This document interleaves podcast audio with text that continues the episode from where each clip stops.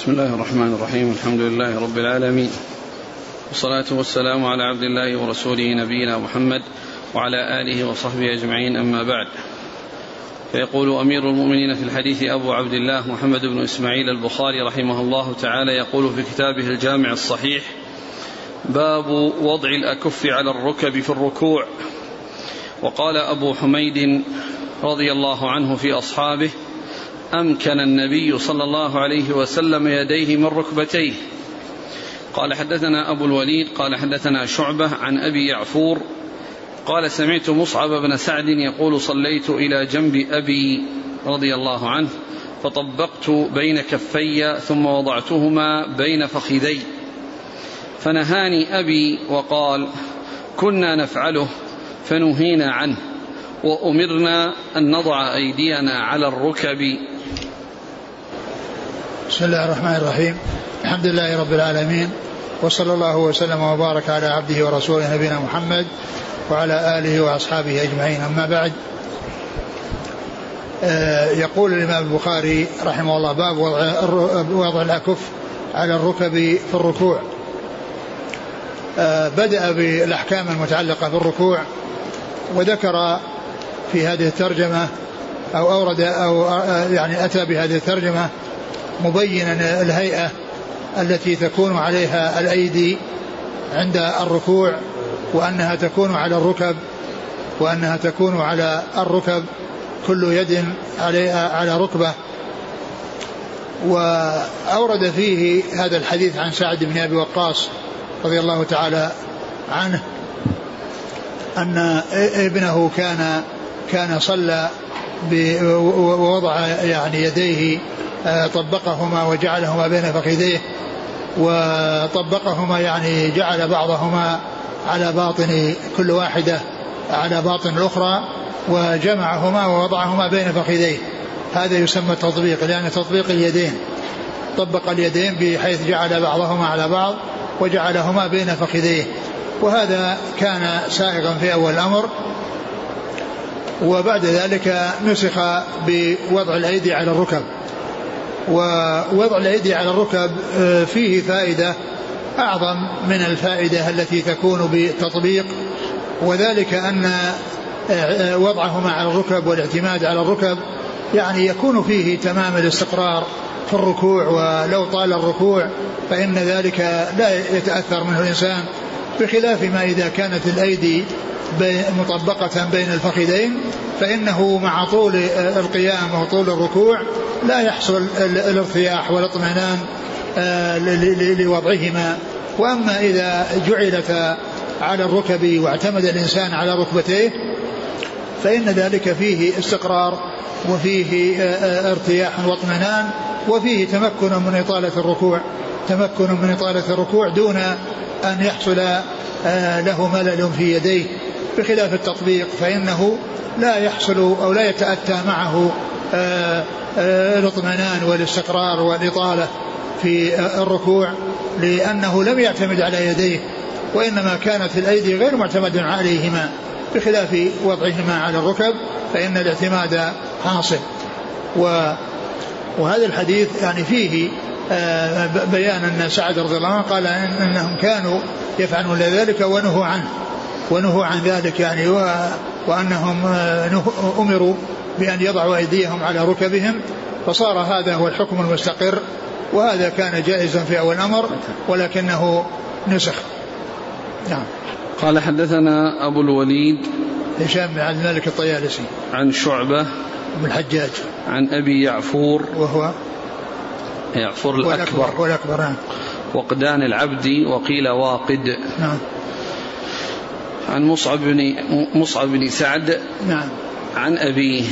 عن أبيه سعد بن وقاص رضي الله عنه أحد العشرة المبشرين بالجنة. نعم.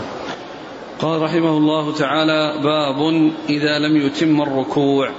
قال حدثنا حفص بن عمر قال حدثنا شعبة عن سليمان قال سمعت زيد بن وهب قال رأى حذيفة رضي الله عنه رجلا لا يتم الركوع والسجود. قال ما صليت ولو مت مت على غير الفطرة التي فطر الله محمدا صلى الله عليه وسلم. ثم قال باب إذا لم يتم الركوع يعني إذا لم يأتي به على الوجه المشروع وأقل ما يكون به الركوع أن يركع وأن يستقر راكعا وبحيث يستقر في ركوعه بعد هويه للركوع ويستقر ويقول سبحان ربي العظيم و ولو لم تطل يطل المكث في الركوع لكن كونه يعني يركع على يعني ثم يرفع قبل أن يستقر هذا ليس بركوع لأن هذا نقر هذا هو النقر في الصلاة. يعني بحيث ولكنه إذا ركع واستقر وهدأ على هيئة ركوعه آه، بحيث انتهى من الركن السابق والهوي منه بحيث استقر في ركوعه ولم يطل فهذا هو أقل يعني ما يكون فيه الركوع.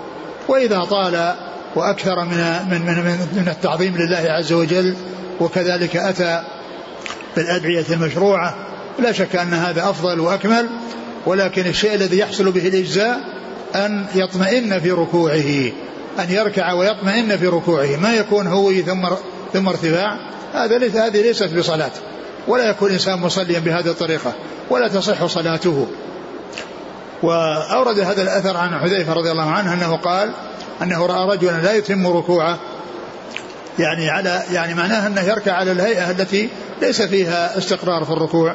وإنما نقر فقال له ما صليت؟ يعني إن, أن هذا الفعل فعلك أنك ما صليت. ولو مت لمت على غير الفطرة التي فطر الله عليها محمدا. نعم. محمدا صلى الله عليه وسلم. يعني لو مت لمت على غير الفطرة يعني غير المنهج وعلى غير الطريقة يعني ولست مصليا. لأنه قال ما صليت يعني أنك لست مصليا. ولو مت لمت على غير الفطرة يعني مت, مت غير مصل مت غير مصل. فبين له أنه لا بد من الاطمئنان وأنه لا بد من الاستقرار في الركوع ولو لم يطل. المهم أن يطمئن ولو ولو لم يطل يطل المكث في الركوع ما دام أنه قد استقر في ركوعه وهدأ في ركوعه وصار راكعا. وانفرد أو استقل عن آه، ما كان قبل ذلك فإن هذا هو الذي يحصل به الركوع. وهذا يدل على أنه لا بد من إتمام الركوع والسجود وأن الإنسان لا ينقر الركوع والسجود نقرا بحيث يعني لا يحصل منه استقرار لا في ركوعه ولا في قيامه ولا في سجوده وإنما يكون في جميع الأركان مستقرا ولو لم يحصل الطول في الاستقرار. نعم. قال حدثنا حفص بن عمر نعم. عن شعبة عن سليمان سليمان. الأعمش نعم. عن زيد بن وهب نعم. عن حذيفة. نعم. قال رحمه الله تعالى باب استواء الظهر في الركوع. وقال أبو حميد رضي الله عنه في أصحابه ركع النبي صلى الله عليه وسلم ثم هصر ظهره. قال حدثنا بدل بن المحبر قال حدثنا شعبة قال أخبرني الحكم عن ابن أبي ليلى عن البراء رضي الله عنه أنه قال كان ركوع النبي صلى الله عليه وعلى آله وسلم وسجوده وبين السجدتين وإذا رفع من الركوع ما خلا القيام والقعود قريبا من السواء. ترجمة. باب استواء الظهر في الركوع. باب استواء الظهر في الركوع. يعني أن ظهره يكون مستويا مع رأسه ومع مؤخره بحيث يكون يعني مستقيما. يعني لا يكون رافع الرأس ولا يكون يعني منخفض بحيث ينزل رأسه ولا يكون على حذاء ظهره وإنما يكون مستقيما. يعني يركع مستقيما ورأسه حيال, حيال ظهره. رأسه حيال ظهره وقد هصر هصر ظهره. بمعنى أنه أماله وأنزله يعني عن عن عن عن الهيئة التي كان عليها في حال القيامة وفي حال هوية بحيث يعني يستقر راكعا ويكون رأسه مسامتا لظهره. ويكون رأسه مسامتا لظهره ليس فيه آه، آه، رفع وليس فيه خفض وإنما يكون مسامتا. هذه كيفية الركوع. وأورد فيه يعني الحديث أشار إليه وقد ذكره في موضع آخر وهو حديث أبي حميد في أصحابه يعني أنه قال في أصحابه أنه أشبههم بصلاة رسول الله صلى الله عليه وسلم وأنهم طلبوا منه أن يصلي وأقروه على ذلك وفيه أنه آه، قال قال قال قال أبو حميد في أصحابه ركع النبي صلى الله عليه وسلم ثم هصر ظهره. ركع النبي صلى الله عليه وسلم ثم هصر ظهره يعني أنه أماله إلى أن آه، آه، استقر راكعا. يعني لم يكن بس انحناء من فوق دون أن يكون راكعا وإنما يكون فيه آه، ركوع يكون ظهره مستويا مع رأسه ويكون مستقرا في ركوعه مطمئنا فيه غير آه، مستعجلا فيه الاستعجال الذي لا يكون معه اطمئنان. نعم. ثم ذكر؟ حديث البراء. ثم ذكر حديث البراء أن النبي صلى الله عليه وسلم كان ركوعه كان قيامه وركوع كان؟ ركوعه كان ركوعه وقيامه؟ ركوعه وسجوده وبين السجدتين وإذا رفع من الركوع ما خلا القيام والقعود قريبا من السواء. يعني كان عليه السلام ركوعه وسجوده وجلوسه بين السجدتين و إذا رفع من الركوع. وإذا رفع من الركوع يعني قريبا من السواء. يعني معناها أن هذه الحالات التي هي آه التي هي حالة الرفع من الركوع وحالة الركوع والرفع منه والسجود والجلوس بين السجدتين هذه قريبة من السواء. ما خلا القيام والقعود. والمقصود بالقيام الذي هو القيام للقراءة الذي يكون في أول الصلاة لأن هذا يكون طويلا أطول من الركوع والسجود وما وغيرهما. وكذلك الجلوس للتشهد وكذلك الجلوس للتشهد فإنه يعني يكون فيه طول يعني آه، يختلف عن الركوع أو طول الركوع والرفع منه والسجود والجلسة من الشيتين يعني فهذه الأفعال هي قريبة من السواء يعني كونه راكعا وكونه رافعا بعد الركوع وكونه ساجدا وكونه جالسا من السجدتين هذه الأربعة قريبة من السواء. وبقي حال القيام الذي هو القيام للقراءة الذي يكون في أول الصلاة وكذلك الجلوس الذي يكون في آخر الصلاة. يعني فإنه يطول فيه لا سيما التشهد الأخير فإنه فيه التشهد وصلاة على النبي صلى الله عليه وسلم والدعاء. وكذلك يختار ما شاء من الأدعية. ففيه مكان أو فيه طول والقراءة فيها طول. فإذا هذه آه هذا الذي يكون آه في الأول من القيام في القراءة والجلوس التشهد هذا يكون أطول من الأمور الأربعة. وأما الأربعة فإنها قريبة من السواء. يعني قريبة من بينها تقارب. ما يقال إنها متساوية تماما. لانها قريبة من السواء يعني معناه في شيء من التفاوت ولكن التقارب بينها حاصل. التقارب بينها حاصل من غير أن تكون متماثلة أن تكون متماثلة تماما. نعم. قال حدثنا بدل بن المحبر نعم. عن شعبة عن الحكم حكم بن عتيبة عن ابن أبي ليلى عبد الرحمن عن البراء. نعم.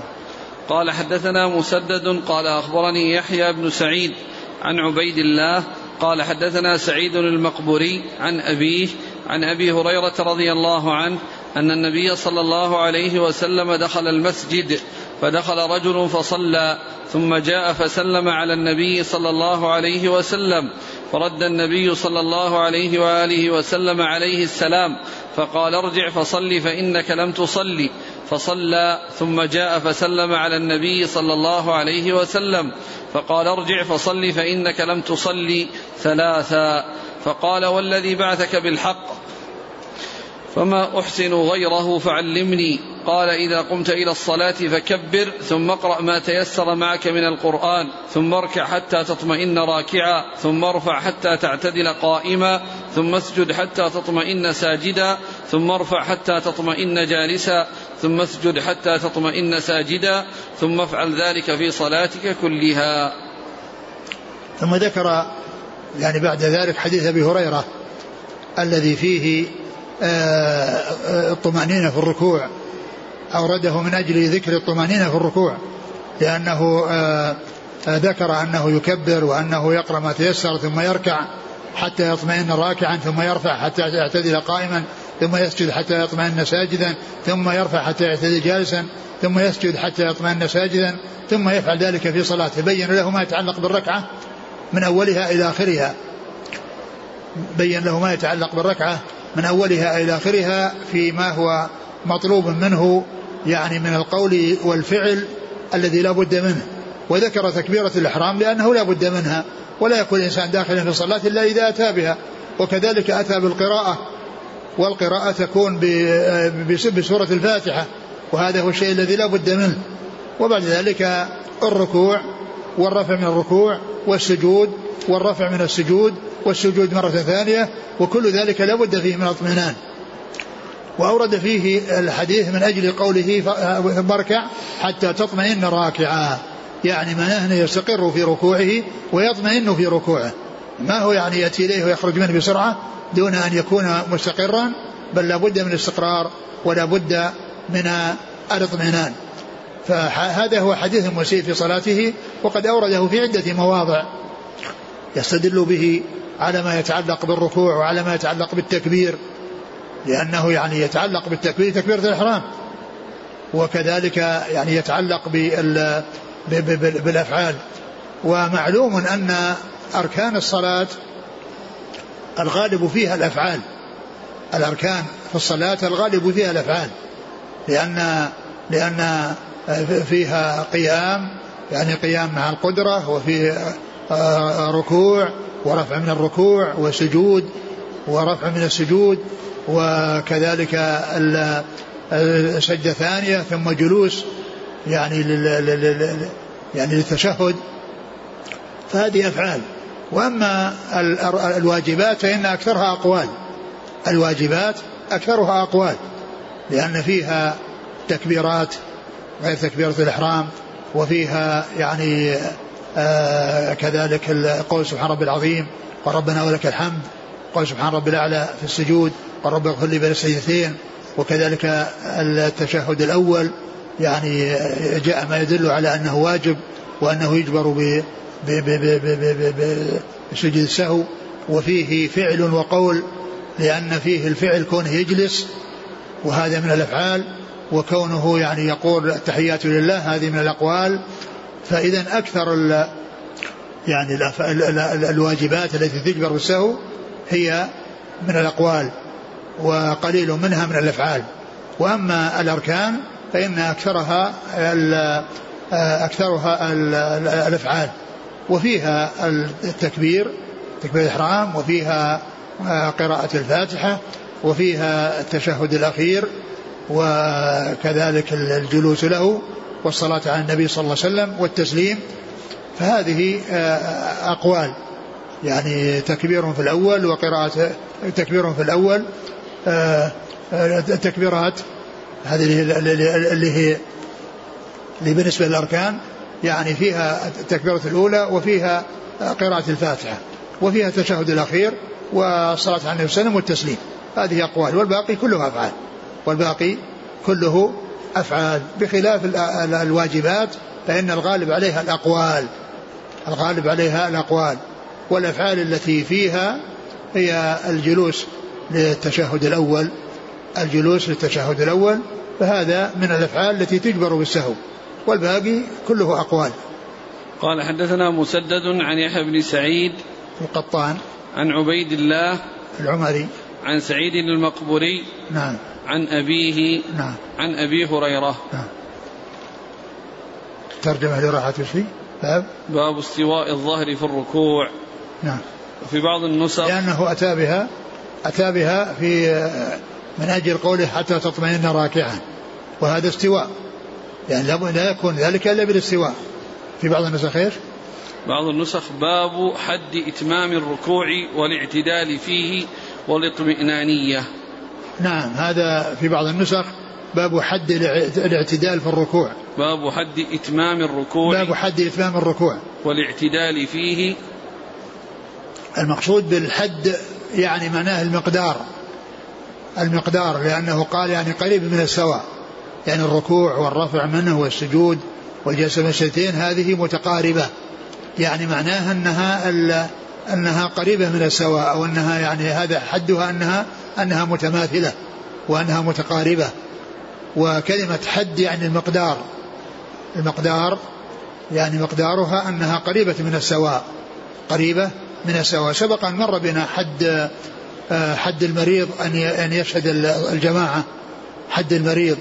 وقد آه، ذكر فيما مضى أن حده فسر بأنه حظه على أن يشهد وفسر بأن المقصود به أن المقصود به الحد الذي يمكن أن يذهب المريض فيه للصلاة وذلك أن يكون عنده قدرة يعني بمعنى أنه يعني يقف في الصف أو يجلس في الصف ويصلي جالس هذا حد لكن إذا كان يتجاوز ذلك بحيث أنه ما يستطيع أن يجلس وإنما لا يعني يضطجع فهذا لا يذهب لا يذهب ويضطجع في الصف وإنما المقصود من ذلك المقدار الذي آه، يمكنه أن يكون مصليا وأن يكون في الصف قائما أو جالسا.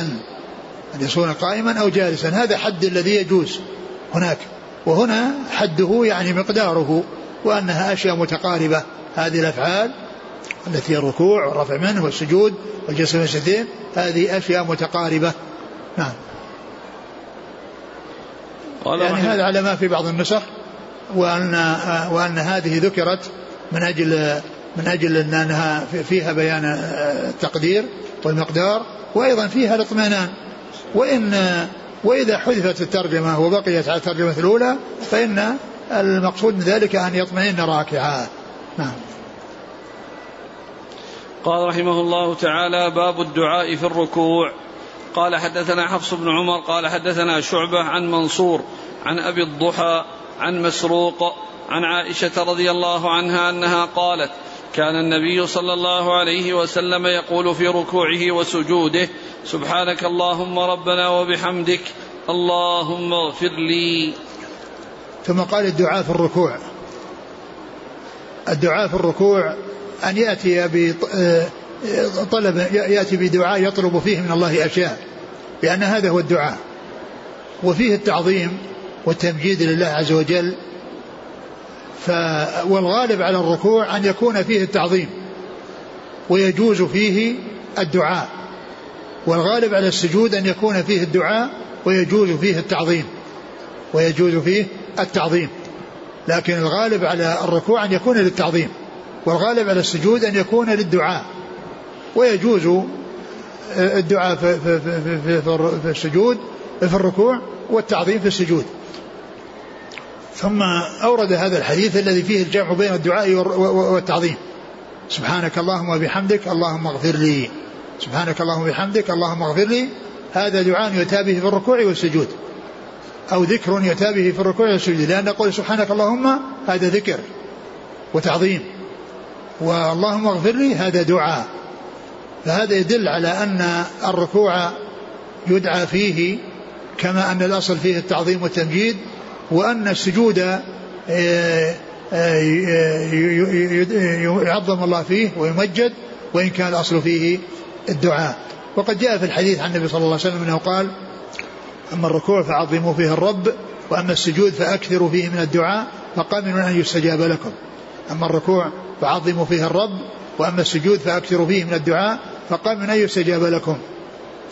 وجاء وقد جاء في هذا الحديث الذي فيه أنه كان يقول في ركوعه وسجوده جاء أنه بعدما نزل عليه إذا جاء نصر الله والفتح ورأيت الناس يدخلون في دين الله أفواجا فسبح بحمد ربك واستغفر إنه كان توابا.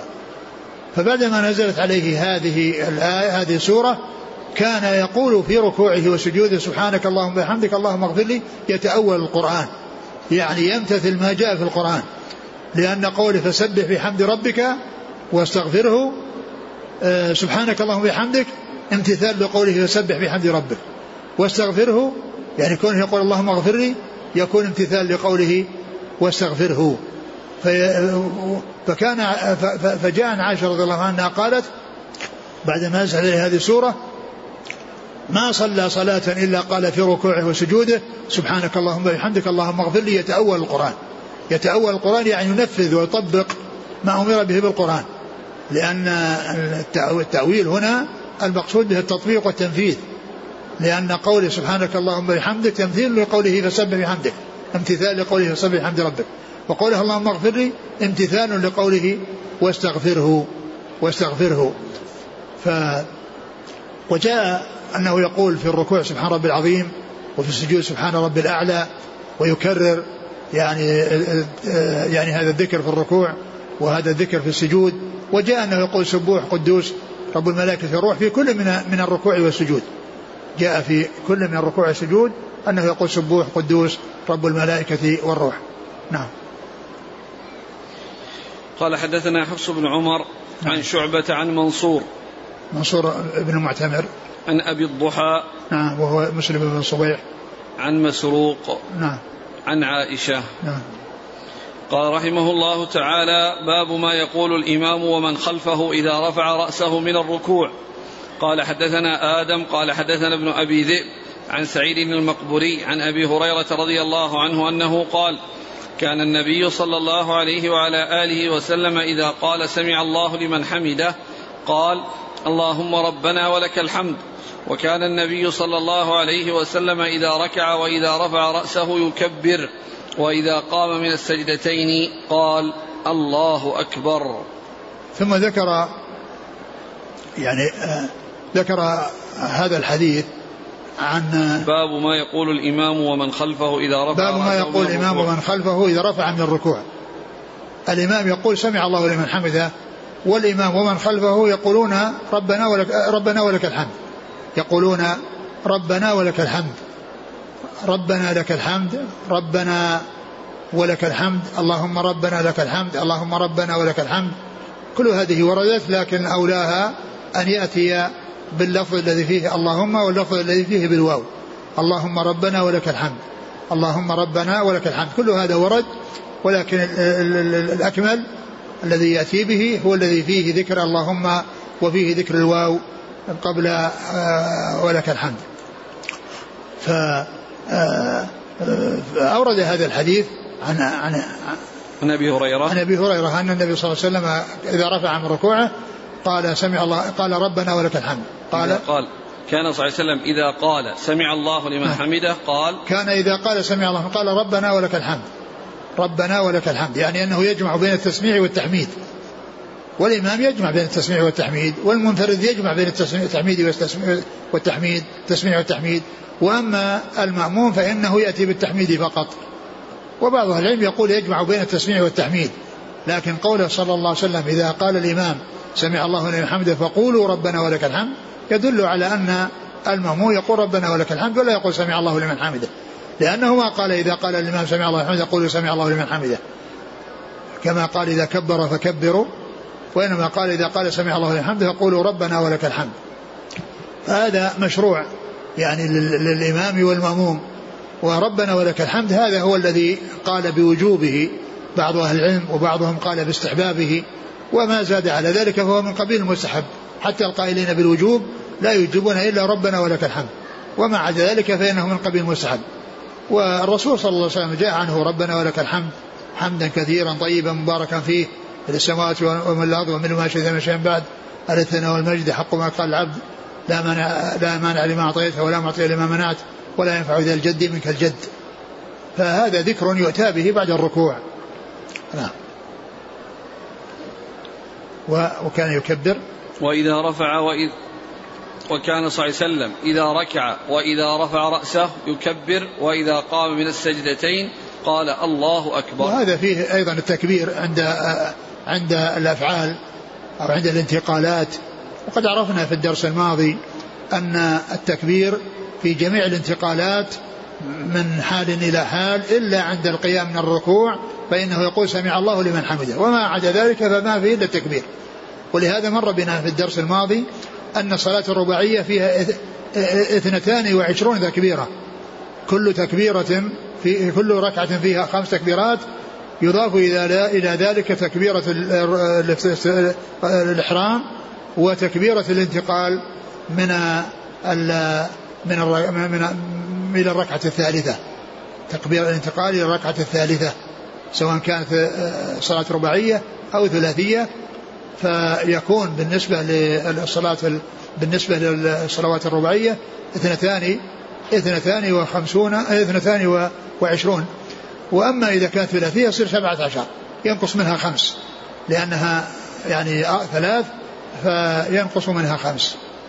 في المغرب سبعة عشر والرباعية كان سواء ظهرا أو عصرا أو عشاء فإنها تكون اثنتين وعشرين.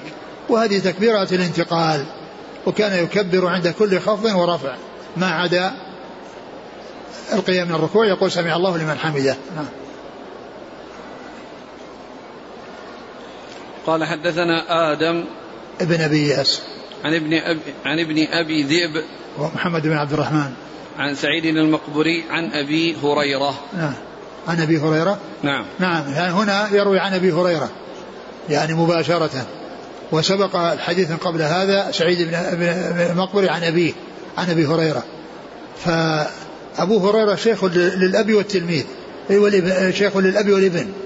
فهما تلميذان له. يرويان عنه فإذا جاء عن عن سعيد عن أبيه عن أبي هريرة معناه فيه الأب يروي عن الابن يروي عن الأب والأب يروي عن أبي هريرة. يعني معناه أن الأب الابن يروي عن أبي هريرة بواسطة. وإذا جاء عن سعيد عن أبي هريرة فإنه يكون متصلا لأن سعيدا يروي عن أبيه عن أبي هريرة ويروي عن أبي هريرة مباشرة. نعم بدون واسطة. نعم. قال رحمه الله تعالى باب فضل اللهم ربنا لك الحمد. قال حدثنا عبد الله بن يوسف قال أخبرنا مالك عن سمي عن أبي صالح عن أبي هريرة رضي الله عنه أن رسول الله صلى الله عليه وسلم قال إذا قال الإمام سمع الله لمن حمده فقولوا اللهم ربنا لك الحمد. فإنه من وافق قوله قول الملائكة غفر له ما تقدم من ذنبه. ثم ذكر فضل قول ربنا ولك الحمد. وذكر فيه هذا الحديث الذي فيه أن أن المأموم يقول ربنا ولك الحمد وأن من وافق قوله قول الملائكة غفر له ما تقدم من ذنبه. وأورده في هذا الترجمة من أجل قوله من وافق قوله قول الملائكة غفر له ما تقدم به. هذا يدل على الفضل. وأن هذا الذكر أنه يحصل أو هذا القول يكون من من من المصلين ويكون من من الملائكة. كالتأمين الذي يكون من الإمام والمأموم والملائكة حيث قال إذا فإنه وإذا قال المغضوب عليهم الضالين فقولوا آمين فإنه وافق تأمين وتأمين الملائكة غفر له ما تقدم من ذنبه. يعني أنه ورد في فضل التحميد بعد الركوع مثل ما ورد في فضل في فضل التأمين عندما يقول الإمام ولا الضالين. نعم. قال حدثنا عبد الله بن يوسف نعم. عن مالك عن سمي سمي مولى أبي بكر بن عبد الرحمن بن الحارث بن هشام. عن أبي صالح عن أبي هريرة. نعم. زياده كلمة والشكر. ربنا ولك الحمد. ما نعلم ما نعلم شيء يدل عليه. يأتي بها بعض الناس لكن لا أعرف لا أعلم شيء يدل عليها وإنما يأتي بالحمد كما النص كما جاء. نعم. قال رحمه الله تعالى باب. قال حدثنا معاذ بن فضالة. قال حدثنا هشام عن يحيى عن أبي سلمة عن أبي هريرة رضي الله عنه أنه قال لاقربن صلاة النبي صلى الله عليه وسلم فكان أبو هريرة رضي الله عنه يقنت في ركعة الأخرى من صلاة الظهر وصلاة العشاء وصلاة الصبح بعدما يقول سمع الله لمن حمده فيدعو للمؤمنين ويلعن الكفار. أعد. المتن عن أبي هريرة قال لاقربن صلاة النبي صلى الله عليه وسلم. فكان أبو هريرة رضي الله عنه يقنت في ركعة الأخرى من صلاة الظهر وصلاة العشاء وصلاة الصبح بعدما يقول سمع الله لمن حمده فيدعو للمؤمنين ويلعن الكفار. ثم ذكر هذا الحديث عن أبي هريرة. باب باب باب بدون ترجمة. والباب بدون ترجمة هو له علاقة بالذي قبله. له علاقة بالذي قبله. والذي قبله آه الذي أورده فيه فضل فيه فضل الحمد قول ربنا ولك الحمد وفيه أنه يقول ربنا ولك الحمد وفيه أنه يقول ربنا ولك الحمد. يعني والمقصود من ذلك أنها أنه لا علاقة له بالفضيلة يعني هذا الباب الذي قبله وإنما علاقته بقول ربنا ولك الحمد وأنه يقال بعد آه يقال بعد الرفع من الركوع يقال بعد الرفع من الركوع يعني يقال ربنا ولك الحمد. وأظن في بعض النسخ ليس فيه يعني ذكر ذكر الفضل وإنما فيه ما يقول اللي قبلها وش ترجمة باب فضل اللهم ربنا ولك الحمد. اللي قبلها. الباب الترجمة اللي قبلها. باب ما يقول الإمام ومن خلفه إذا رفع رأسه من الركوع. نعم يعني يعني آه آه في بعض النسخ عندك هناك قال في فضل قال إنها غير موجودة. في بعض النسخ. الباب هذا الباب الثاني اللي هو باب الفضل ما يوجد كلمة باب. أيوة ما يوجد كلمة باب. يوجد فيه إيش؟ لا يوجد كلمة باب فقط فضل اللهم ربنا لك الحمد. فضل اللهم ربنا لك الحمد. هو على كل هو هذه الترجمة يعني التي هي باب بدون ترجمة هي فصل بمثابة الفصل الذي قبلها. فهي يعني هذا الباب نفسه هذه الكلمة لا توجد. اللي هي؟ في بعض النسخ كلمة باب. آه. حديث آخر ضمن الترجمة التي قبلها. باب فضل اللهم ربنا لك الحمد ذكر حديث أبي هريرة ثم ذكر هذا الحديث الثاني. وليس بينهما فاصل باب. ليس بينهما فاصل آه. ليس فيه باب. نعم. يعني معناه أنه متصل بالذي قبله. نعم. وسواء كان فيه باب أو ما فيه باب. لأن القضية هي ترجع لربنا ولك الحمد. وأنه يقال يعني بعد الركوع بعد الركوع يعني في بعض الركعات أنه يؤتى بالقنوت. يؤتى بالقنوت وهو, وهو ذكر أو شيء يؤتى به بعد بعد الرفع من الركوع. فهو يتعلق بالباب الأول الذي ما يقوله بعد الركوع. ما يقوله بعد الركوع والذي فيه ذكر الفاضل فيه أنه يقول ربنا ولك الحمد. وعلى هذا فإنه المقصود به ليس ذكر الفضل وإنما المقصود به ذكر أنه ذكر يؤتى به بعد الركوع كما كان يؤتى بربنا ولك الحمد. كما كان يؤتى بربنا ولك الحمد في كل كل آه، رفع من الركوع فإنه في بعض الركوعات وفي الركعة الأخيرة من الصلاة المفروضة التي هي الظهر والعصر والعشاء الظهر والعصر والفجر الظهر والعشاء والصبح. الظهر والعشاء والصبح. يعني أن هذه الصلوات يعني في الركعة آه، بعد الركوع من الركعة الأخيرة يعني يكون فيه يعني هذا الدعاء. على يعني على أناس والدعاء لأناس وأن هذا مما يذكر بعد الركوع. المقصود منه أنه شيء يؤتى به بعد الركوع. يعني كما كان يؤتى بربنا ولك الحمد بعد كل ركوع فإنه يؤتى في بعض الركوعات وفي آخر ركوع من بعض الصلوات أنه يؤتى بهذا الدعاء. يقول إيش؟ اللهم كان بعدما يقول سمع الله لمن حمده يدعو للمؤمنين ويلعن الكفار. نعم يدعو للمؤمنين ويلعن الكفار يدعو للمؤمنين ويلعن الكفار. يعني معناه أن هذا من الأشياء التي يؤتى بها بعد الركوع لكن في بعض الركوعات التي يكون فيها القنوت ويكون في آه، بعد الركوع من آخر ركعة. بعد الركوع من آخر ركعة. وهذا جاء فيه ذكر الظهر وذكر العشاء وذكر الفجر. وجاء أيضا في بقية الصلوات. كل الصلوات يقنت فيها عند النوازل. وليس يعني آه، دائما وابدا كما يفعله بعض آه، بعض العلماء وجاء عن بعض العلماء. وإنما المقصود به في النوازل ويأتي آه، في الصلوات كلها. نعم.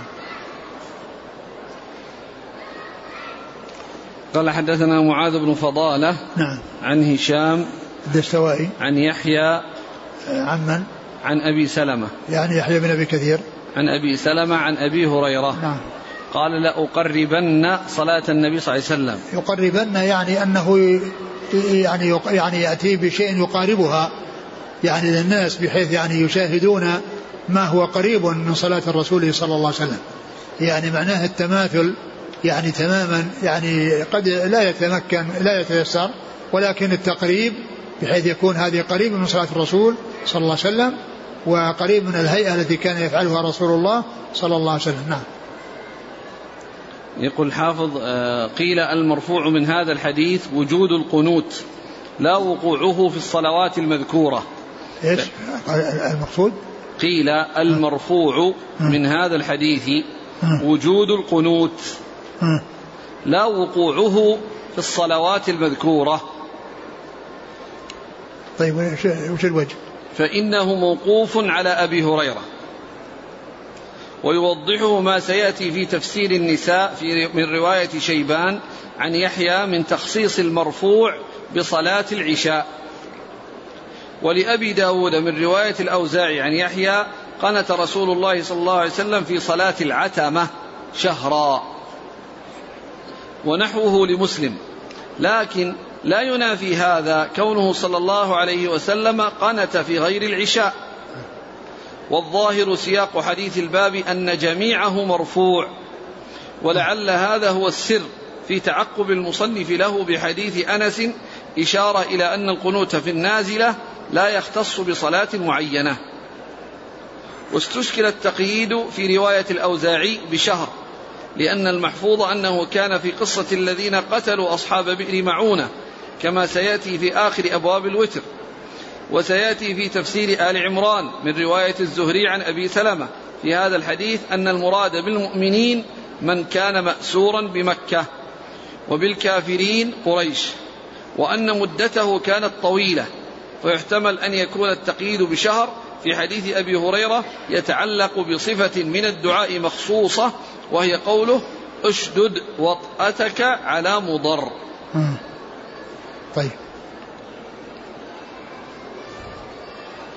قال حدثنا عبد الله بن أبي الأسود قال حدثنا إسماعيل عن خالد الحذاء عن أبي قلابة عن أنس رضي الله عنه أنه قال كان القنوت في المغرب والفجر.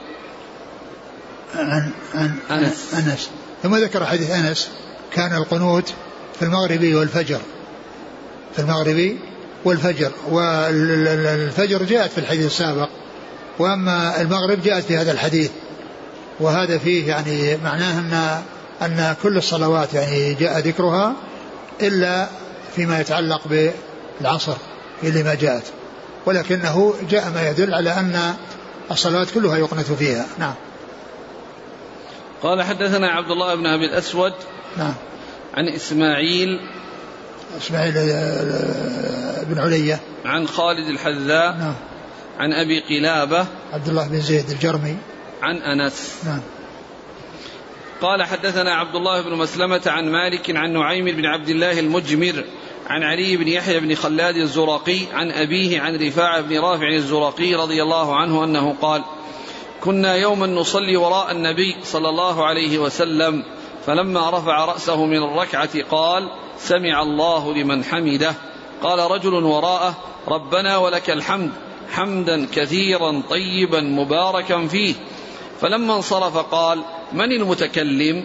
قال أنا. قال رأيت بضعة وثلاثين ملكا يبتدرونها أيهم يكتبها أول؟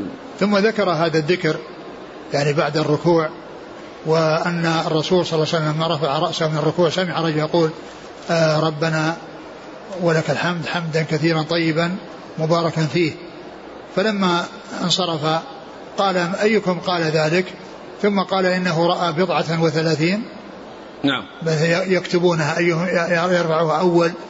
وهذا يدل على يعني أن هذا ذكر يؤتى به في هذا الموضع. ربنا ولك الحمد حمدا كثيرا طيبا مباركا فيه. نعم. قال حدثنا عبد الله بن مسلمة عن مالك عن نعيم بن عبد الله المجمر عن علي بن يحيى بن خلاد الزرقي نعم. عن أبيه عن رفاعة بن رافع الزرقي نعم. قال رحمه الله تعالى باب الاطمأنينة حين يرفع رأسه من الركوع. وقال أبو حميد رضي الله عنه رفع النبي صلى الله عليه وسلم واستوى جالسا حتى يعود كل فقار مكانه. قال حدثنا أبو الوليد قال حدثنا شعبة عن ثابت قال كان أنس الترجمة باب. باب الاطمأنينة حين يرفع رأسه من الركوع. آه. طيب. وقال أبو حميد رفع النبي صلى الله عليه وسلم واستوى جالسا حتى يعود كل فقار مكانه. هذا فيما يتعلق بالسجود لكن فيما يتعلق بالركوع أنه يستم... يست... يعني قائما. فإن حديث أبي, أبي حميد ذكره في بعد عدة أبواب يعني ب, ب... يعني مسندا وذكر فيه يعني شوف بعد عدة أبواب يعني جاء في قبل السجود أو بعد. لكن فيه ال فيه ال يعني الإطمئنان في الركوع والإطمئنان في القيام والإطمئنان في السجود. سيأتي باب سنة الجلوس في التشهد نعم إيش قال فيه؟ أقرأ الحديث إيه؟ قال عن محمد بسند عن محمد بن عمرو بن عطاء أنه كان جالسا مع نفر من أصحاب النبي صلى الله عليه وسلم فذكرنا صلاة النبي صلى الله عليه وسلم فقال أبو حميد الساعدي أنا كنت أحفظكم أنا كنت أحفظكم لصلاة رسول الله صلى الله عليه وسلم. رأيته إذا كبر جعل يديه حذاء منكبيه وإذا ركع أمكن يديه من ركبتيه ثم هصر ظهره فإذا رفع رأسه استوى حتى يعود كل فقار مكانه. فإذا سجد وضع يديه غير مفترش ولا قابضهما واستقبل, واستقبل بأطراف أصابع رجليه القبلة. فإذا جلس في الركعتين جلس على رجله اليسرى ونصب اليمنى. وإذا جلس في الركعة الآخرة قدم رجله اليسرى ونصب الأخرى وقعد على مقعدته. ما ذكر الجلسة بين سجدتين؟ ما ذكر. ذكر له أطراف؟ من هو الآن ذكر هناك في الأول هذا المعلق ذكر السجود. والذي جاء في المتن هنا ذكر الركوع الذي بعد الركوع. وهو يعني الذي المناسب لذكر آه، الرفع بعد الركوع. الاستواء بعد رفع الركوع هو المناسب وهو الذي ذكر في نفس أما ذاك لا أدري هل, هل لعله جاء في بعض الطرق الأخرى وذكر أطرافه؟ لا هناك في الأخير لا. يكون لابد يكون في الأول. لا لا هذا هذا اللي هذا الذي فيه لأن المعلقات ما يعطيها أرقام وإنما يعطي هذا المسند. الأخير هذا اللي قرأته إيه؟ لم يذكر له. أطراف. ما ذكر فيه؟ ما ذكر فيه أطراف؟ لا. آه. على كل هذا الذي ذكر أنه ساجدا هذا ليس مطابق للترجمة. المطابق للترجمة هو الذي جاء في متن الحديث الذي سمعناه. لأن هنا ذكر ال ال أنه يعني جالس. أنه جالس. يعني وهذا الجلوس يكون بين السجدتين. وأما الركوع يكون فيه بعده قيام. إيش بعده؟ قال حدثنا أبو الوليد قال حدثنا شعبة عن ثابت قال كان أنس رضي الله عنه ينعت لنا صلاة النبي صلى الله عليه وسلم فكان يصلي وإذا رفع رأسه من الركوع قام حتى نقول قد نسي نعم ثم ذكر حديث أنس رضي الله تعالى عنه أن الرسول صلى الله عليه وسلم كان إذا رفع رأسه من الركوع استقام حتى يقول قد نسي يعني لطول القيام لكونه طال يعني ظنوا أنه نسي. يعني ويعني في بسبب إطالته. وهذا يدل على إطالة القيام. وكذلك جاء في حق في السجود. أنه كان أيضا يقولون فيه قد أنه قال قد نسي. فهذا يدل على اطمئنانه في القيام. بل مكثه طويلا. بل كان يمكث طويلا. لأنهم قال نقول قد نسي. نعم.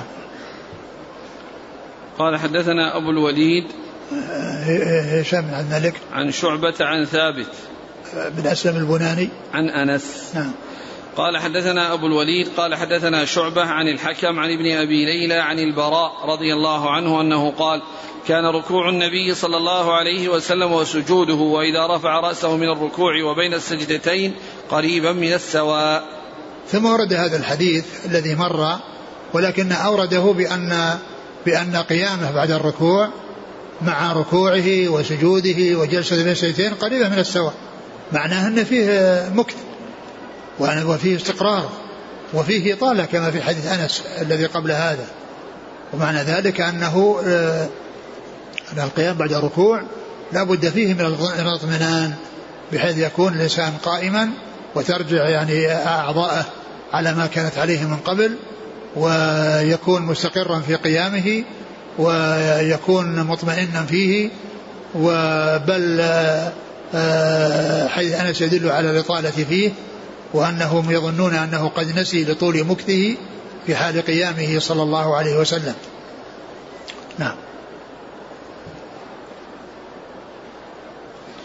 قال حدثنا أبو الوليد عن شعبة عن الحكم عن ابن أبي ليلى عن البراء.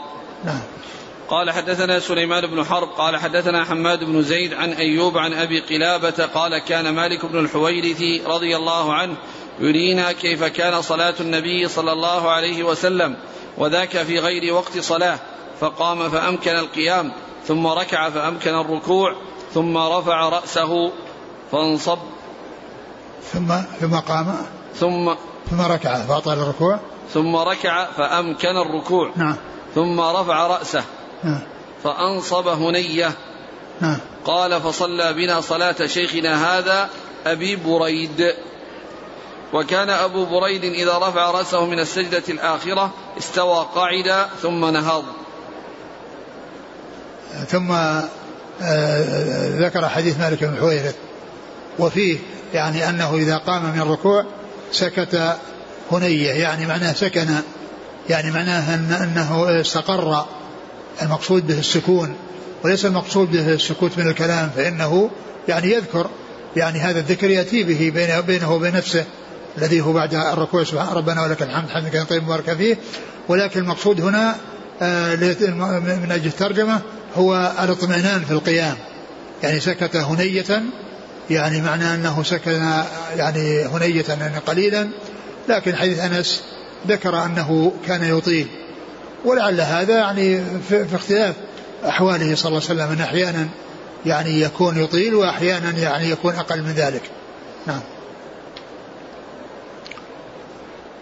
حديث إيش قال فيه الحديث؟ وإذا؟ إذا؟ كان صلى الله عليه وسلم إذا؟ إذا ركع. قال فأمكن القيام ثم ركع. فأمكن أمكن القيام يعني استقر في في أمكن القيام؟ في أوله قال نعم. كان صلى الله عليه وسلم في اوله يعني قام للقراءة نعم. ثم ركع فأمكن الركوع. نعم اطمأن في ركوعه. ثم رفع فأنصب هنية. أنصب هنية يعني إنه سكن. أنصب عندك باء ولا تاء؟ بالباء. آه. في بعض النسخ التاء. فأنصت. أي أنصت. والمقصود به يعني معناه أنه سكن فحصل منه السكون. يعني معناه الاستقرار في حال القيام. نعم. وهذا هو محل الشاهد لأن المقصود به يعني الاعتدال بعد الركوع. نعم. قال فصلى بنا صلاة شيخنا هذا أبي بريد أبي بريد وهو أبوه عمرو بن سلمة الجرمي. وذكر أيضا من صلاته جلسة الاستراحة اللي ذكرها بالآخر قال؟ وكان أبو بريد إذا رفع رأسه من السجدة الآخرة استوى قاعدا ثم نهض. نعم استوى قاعدا ثم نهض يعني جلسة الاستراحة. جلسة هي الركعة هي هي القيام من الركعة الأولى والقيام من الثالثة أي من وتر. جلسة الاستراحة تكون بعد وتر أي بعد الثانية مطلقة بعد الأولى بعد الأولى في كل صلاة وبعد الثالثة في الرباعية. والثالثة في الرباعية يعني كونه يقوم من وتر. إذا قام من وتر أي بعد الأولى وبعد الثالثة. فهذه يجلس فيها للاستراحة. يعني جلسة قصيرة جدا ليس فيها ذكر وليست طويلة وإنما هي يعني شيء يسير جدا يكون القيام فيها عن جلوس. يكون القيام فيها عن جلوس. نعم.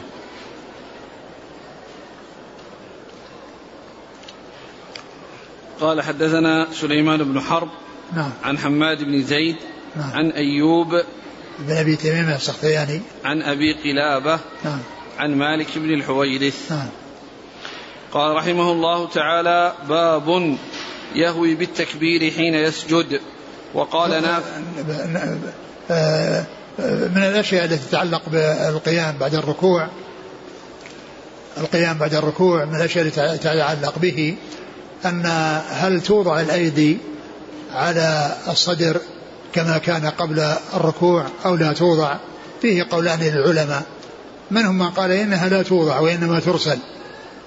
ويستدلون على ذلك بأن الذين وصفوا صلاة الرسول صلى الله عليه وسلم بالتفصيل ما تعرضوا لذكر اليدين على وضع اليدين بعد الركوع. سكتوا عن ذلك ما تعرضوا له أبدا. والذين قالوا بال والذين قالوا بأنها توضع استدلوا بالحديث الذي فيه أن النبي صلى الله عليه وسلم كان إذا كان قائما في الصلاة إذا كان قائما في الصلاة وضع اليمين على الشمال. إذا كان قائما في الصلاة. قالوا وأحوال المصلي أربع لا خامس لها.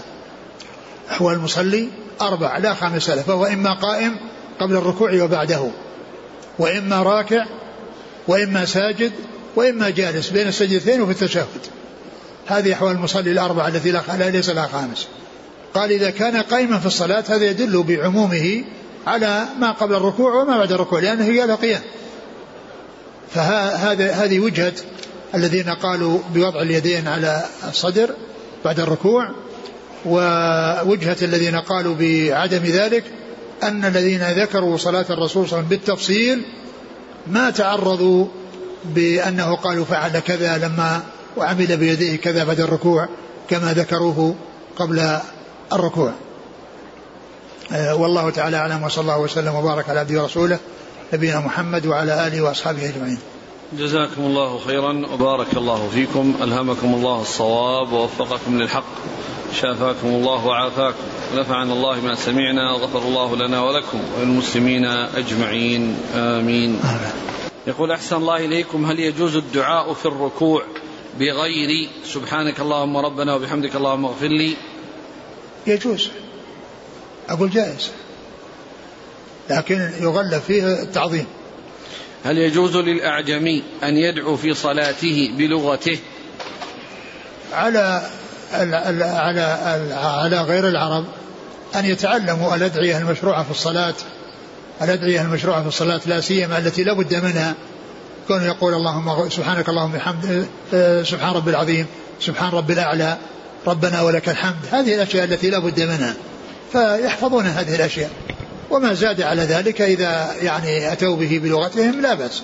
لكن يأتون بالشيء الذي آه، يعني كما يأتون بالتكبير بلفظ الله أكبر لا يأتون به ويأتون بقراءة الفاتحة وقراءة القرآن ويأتون بال آه، آه، سمع الله لمن حمده ربنا ولك الحمد سبحان ربي العظيم رب اغفر لي. يعني الأشياء التي هي واجبة قليلة جدا وألفاظ محدودة عليهم أن يتعلموها. نعم. إذا أطال الإمام الجلوس بين السجدتين هل يشرع تكرار الذكر نعم. الذي بين السجدتين؟ نعم يشرع تكراره. قوله لو مت مت على غير الفطرة التي فطر الله عليها محمدا صلى الله عليه وسلم. هل هذا يدل أن عدم إتمام الركوع والسجود يعتبر من كبائر الذنوب؟ يعتبر غير مصلي يعتبر صاحبه غير مصلي يعني قد يعني قد يعني يكون ذلك كفرا. كونه لا يصلي لأن ترك الصلاة كافر. والذي يصلي صلاة غير صحيحة معناه أنه ما وجد منه الصلاة. وكونه من كبائر الذنوب من هذا لا شك أن هذا هذا أقل ما يقال فيه. نعم. يقول فضيلة الشيخ دخلت المسجد والناس يصلون مع الإمام وكانت الصفوف مكتملة فانتظرت قليلا ولم يأتي أحد فصليت بمفرد بمفردي في صف. هل فعلي هذا صحيح؟ بمفرد إيش؟ انتظر فلم يجد أحدا فصلى بمفرده. فصل ولم فصليت بمفردي في صف. وحده؟ إيه؟, إيه عليه يعيد الصلاة. هذا يسأل عن حكم تطليق المرأة وهي حامل. عن إيش؟ حكم طلاق المرأة وهي حامل. جاهز إيش المانع منه؟ تطلق وهي حامل. العامة الطلاق تطلق المرأة وهي حامل أو حائل؟ المرأة تطلق يعني حاملا وحائلا. حائل بدون حمل وحامل بحمل. وعدتها وضع الحمل. وعدتها وضع الحمل. وأما الحائل التي يعني هي غير حامل فعدتها إن كانت ذات قروء إن كانت تحيض ثلاثة قروء وإن كانت صغيرة أو آيسة ثلاثة أشهر. يقول عندنا في بلادنا ما يسمى بالخدمة العسكرية الوطنية وهي إجبارية على كل مواطن وفيها منكرات منها حلق اللحية وترك الصلاة. والآن سمعت بأن يوجد عفو عن هذه الخدمة ولكن لاستخراج هذه البطاقة لا بد من حلق اللحية فكيف أعمل لآخذ هذه البطاقة؟ لا يجوز الإنسان أن يحلق لحيته أبدا لا طاعة لمخلوق في معصية الله. إن لم أستخرج هذه البطاقة في هذا الوقت سيكون علي ضرر. من يتق الله يجعل له مخرجا. يقول طفت طواف الإفاضة وبعدها أردت الذهاب إلى منى للمبيت. وكان معي صديق لي مريض وأدى ذلك إلى تأخري بمكة حتى منتصف الليل. لم نصل إلى منى إلا قبل الفجر بساعتين. علما بأننا صادفنا زحام واكتظاظ في الطريق. هل يلزمنا شيء؟ إذا كان إذا كان الأمر كما ذكرت أنك كان معك مريض وأنكم يعني منعكم الزحام فأنتم معذورون إن شاء الله. يقول أعطاني بعض المحسنين مالا. لكي, آه، آه، لكي يكون من تكاليف الزواج ومضى عليه عندي سنة وأنا أبحث ولم يتيسر لي. فهل أدفع الزكاة عن هذا المال؟ نعم. إذا إذا إذا حال الحول على مال عندك لأي غرض من الأغراض فأنت تزكيه سواء كان مهيئ للزواج أو مسيء لشراء أرض أو مهيئ لأي أمر آخر. إذا حال عليه الحول وهو في حوزتك فعليك أن تزكيه. إذا بلغ النصاب فأكثر. يقول إذا نويت السفر فهل يجوز لي الجمع والقصر قبل مغادرة المدينة؟ أي لا. في المطار لا. مثلا أو موقف لا الباصات؟ إذا كان, إذا كان لا إذا كان المطار بعيد عن المدينة وخارج عن البنيان يجوز. وأما إذا كان يعني متصل به البنيان فأنت في داخل المدينة والإنسان ليس له أن يترخص إلا إذا غادر البنيان. لقول الله عز وجل يا أيها وإذا ضربتم في الأرض فليس عليكم فإذا ضربتم في الأرض يعني بدأتم في السفر